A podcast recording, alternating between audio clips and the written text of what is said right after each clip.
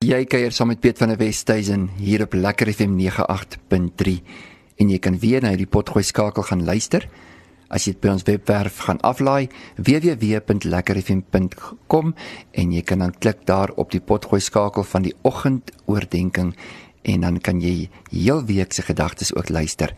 Praat met jou vandag oor die groter prentjie uit die boek van Maleagi en die tema in die opskrif is die liefde van die Here vir sy volk, ondank van die volk. Ek is tog so dankbaar oor hierdie opskrif. Want jy weet, God se goedheid is ver bo my en jou en die offer wat ons bring en die dankbaarheid wat ons altyd voor sy voete neerlê. Ek lees vir ons Malagi hoofstuk 1 uit die 33:53 vertaling. God spraak die woord van die Here aan Israel deur die diens van Malagi. Ek het julle liefgehad, sê die Here. Nogtans vra julle, waarin het U ons liefgehad? Is Esau nie die broer van Jakob nie? spreek die Here.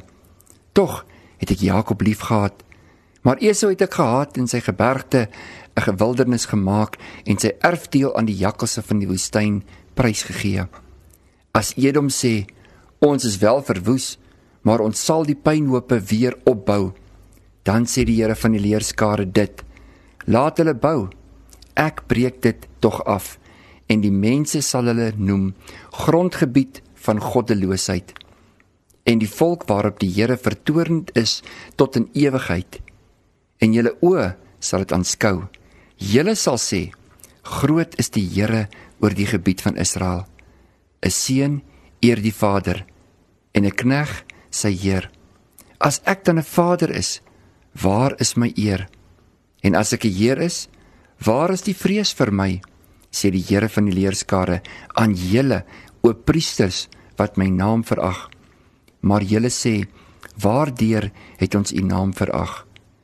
Julle bring spys wat verontreinig is op my altaar en dan vra julle, waardeur het ons u verontreinig? Deurdat julle sê, die tafel van die Here is veragtelik. En as jy 'n blinde dier bring om te offer, is dit geen kwaad nie. En as jy 'n lam of 'n siek dier bring, is dit geen kwaad nie.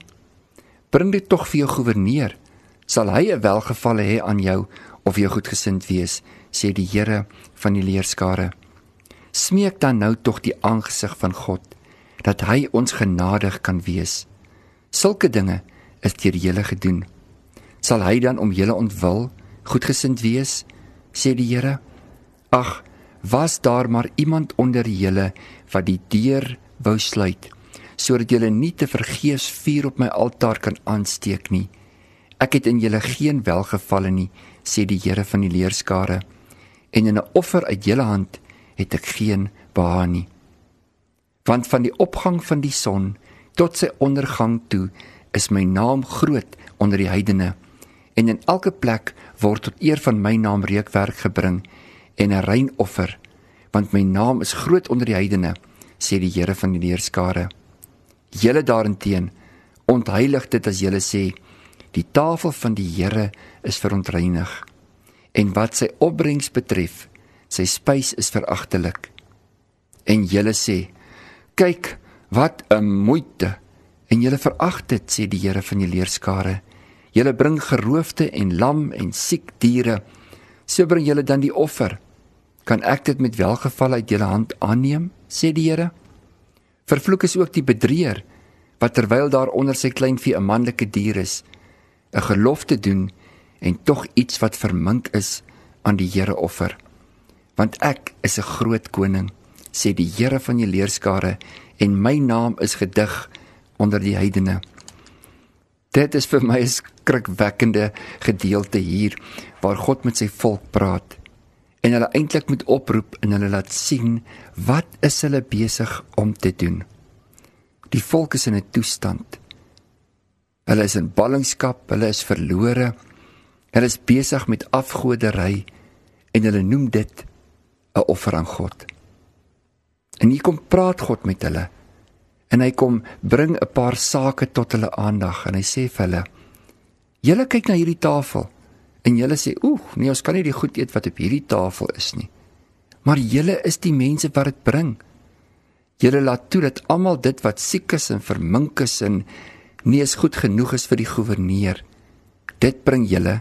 Julle sit dit op my tafel en dan staan julle terug en kyk daarna en sê: "Ja, hierdie tafel van die Here is nie vir ons goed genoeg nie." Ek wil vir jou vra vandag, as jy so na die tafel kyk wat jy ook vir die Here voorberei, die tafel van jou lewe. Daardie tye wanneer jy hom nooi om saam met jou te kom aansit, is dit jou beste maal? Is dit jou beste plek wat jy vir hom gedek het en voorberei? Het jy 'n stoel vir hom waar hy kan kom sit? En wanneer hy kan kom sit, is dit jou beste wat jy daar op die tafel gegee het vir hom. God praat met sy volk en hy sê vir hulle: "Wat gaan aan met julle? Julle leef asof julle my nie nodig het nie. Julle leef asof ek julle nie geroep het nie, asof julle nie myne is nie." En dan sê God vir hulle: "Ek het Jakob liefgehad, maar Esau het ek gehaat en sy gebergte 'n wildernis gemaak en sy erfdeel aan die jakkalse van die woestyn prysgegee. Het jy ook al gewonder hoekom sou hy dit sê oor Jakob en oor Esau iets anders? Ek het baie keer gedink wel, miskien was dit in God se hart en besluit van die begin af gewees. Maar ek besef in die dag en die uur waarin ons leef dat ek en jy het keuses om te maak. Ek weet nie wat die keuses was wat Esau gemaak het nie, maar ek weet dat Jakob 'n desperate man was. En ek sien dat Jakob later jare in sy lewe die engel sou aangryp en vir hom sê ek sal u nie los voordat u my nie seën nie. Dit was vir Jakob iets belangrik geweest om nie net die eersgeboorte reg in sy lewe te hê nie, maar ook die seën van die Here op sy lewe te gehad het. Ja, hy dink 'n pink het daar weggeloop daar van El Betel, maar hy die huis waarin God gewoon het, nie net daar geslaap nie, maar ook die God van die huis ontmoet daar toe hy wakker geword het. God roep vir my en jou en hy sê vir ons: "Kyk hoe jy leef. Kyk wat jy vir my op die tafel neersit." Moet my nie net die aan die slaap oomblikke van jou lewe gee en 'n ou gebedjie aframmel en dink ek is daarmee tevrede nie. Want as jy 'n opbrengs van daardie offer moet kry, hoe sal dit lyk? En jy sê dalk maar die Here antwoord nie eens my gebede nie. Want my gebede bestaan maar eintlik uit die gehinke en gepinke en die die blinde en die lam diere wat ek vir hom bring. Daardie nie goed genoeg deel van my lewe wat ek by sy voete wil kom neerlê. Maar wanneer dit met my goed gaan, dan vergeet ek van die Here. Wanneer ek baie het om te gee en te deel, dan vergeet ek van die Here. Maar ek sal by hom kom sit en van sy tafel af wil eet. Maar ek het niks voorberei vir sy tafel nie. In die goeie dae het ek niks op sy tafel gesit nie. Ek roep nie sy naam aan konstant oor my lewe nie. Nee, ek het maar net so noodgebed wat ek uitroep wanneer ek hom nodig het. En dan moet God in my diens wees.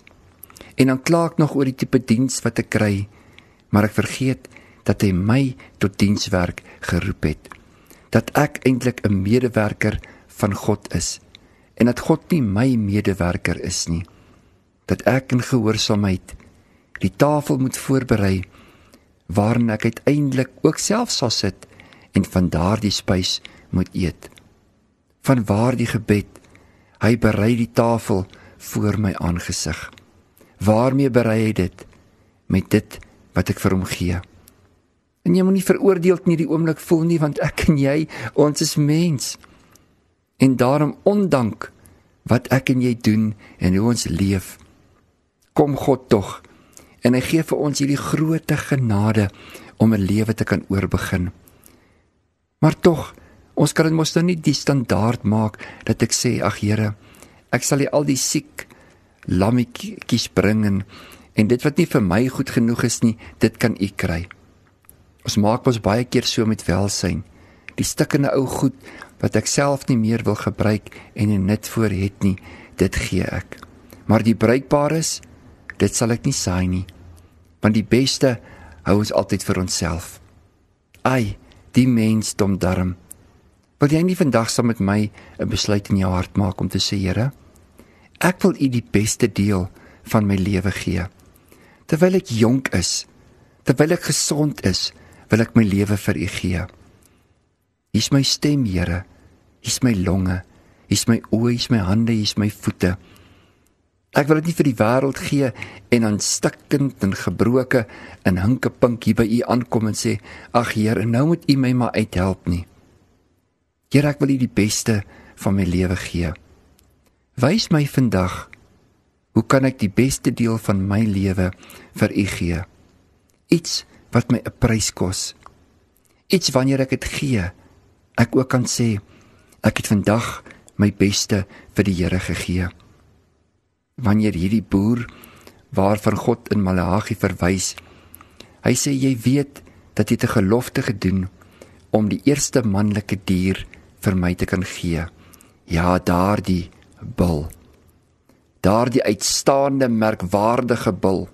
Toe die ander boere daar by jou staan toe sê hulle hierdie is 'n wenner. En toe besluit jy, weet jy wat? Ek dink die Here sal verstaan.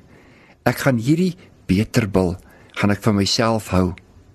Daar is so 'n billetjie, hy so maar en die ou dingetjie, hy hy is nou nie heeltemal op standaard nie. Ek gaan hom maar vir die Here gee. Wat maak dit in elk geval tog saak want hulle gaan hom slag en hom brand. Jy sien, God kyk in jou hart. Hy kyk wat is jy bereid om vir hom te gee. Hy sê jy noem my Here, Here. Maar daar's geen vrees en agting en respek vir my in jou hart nie.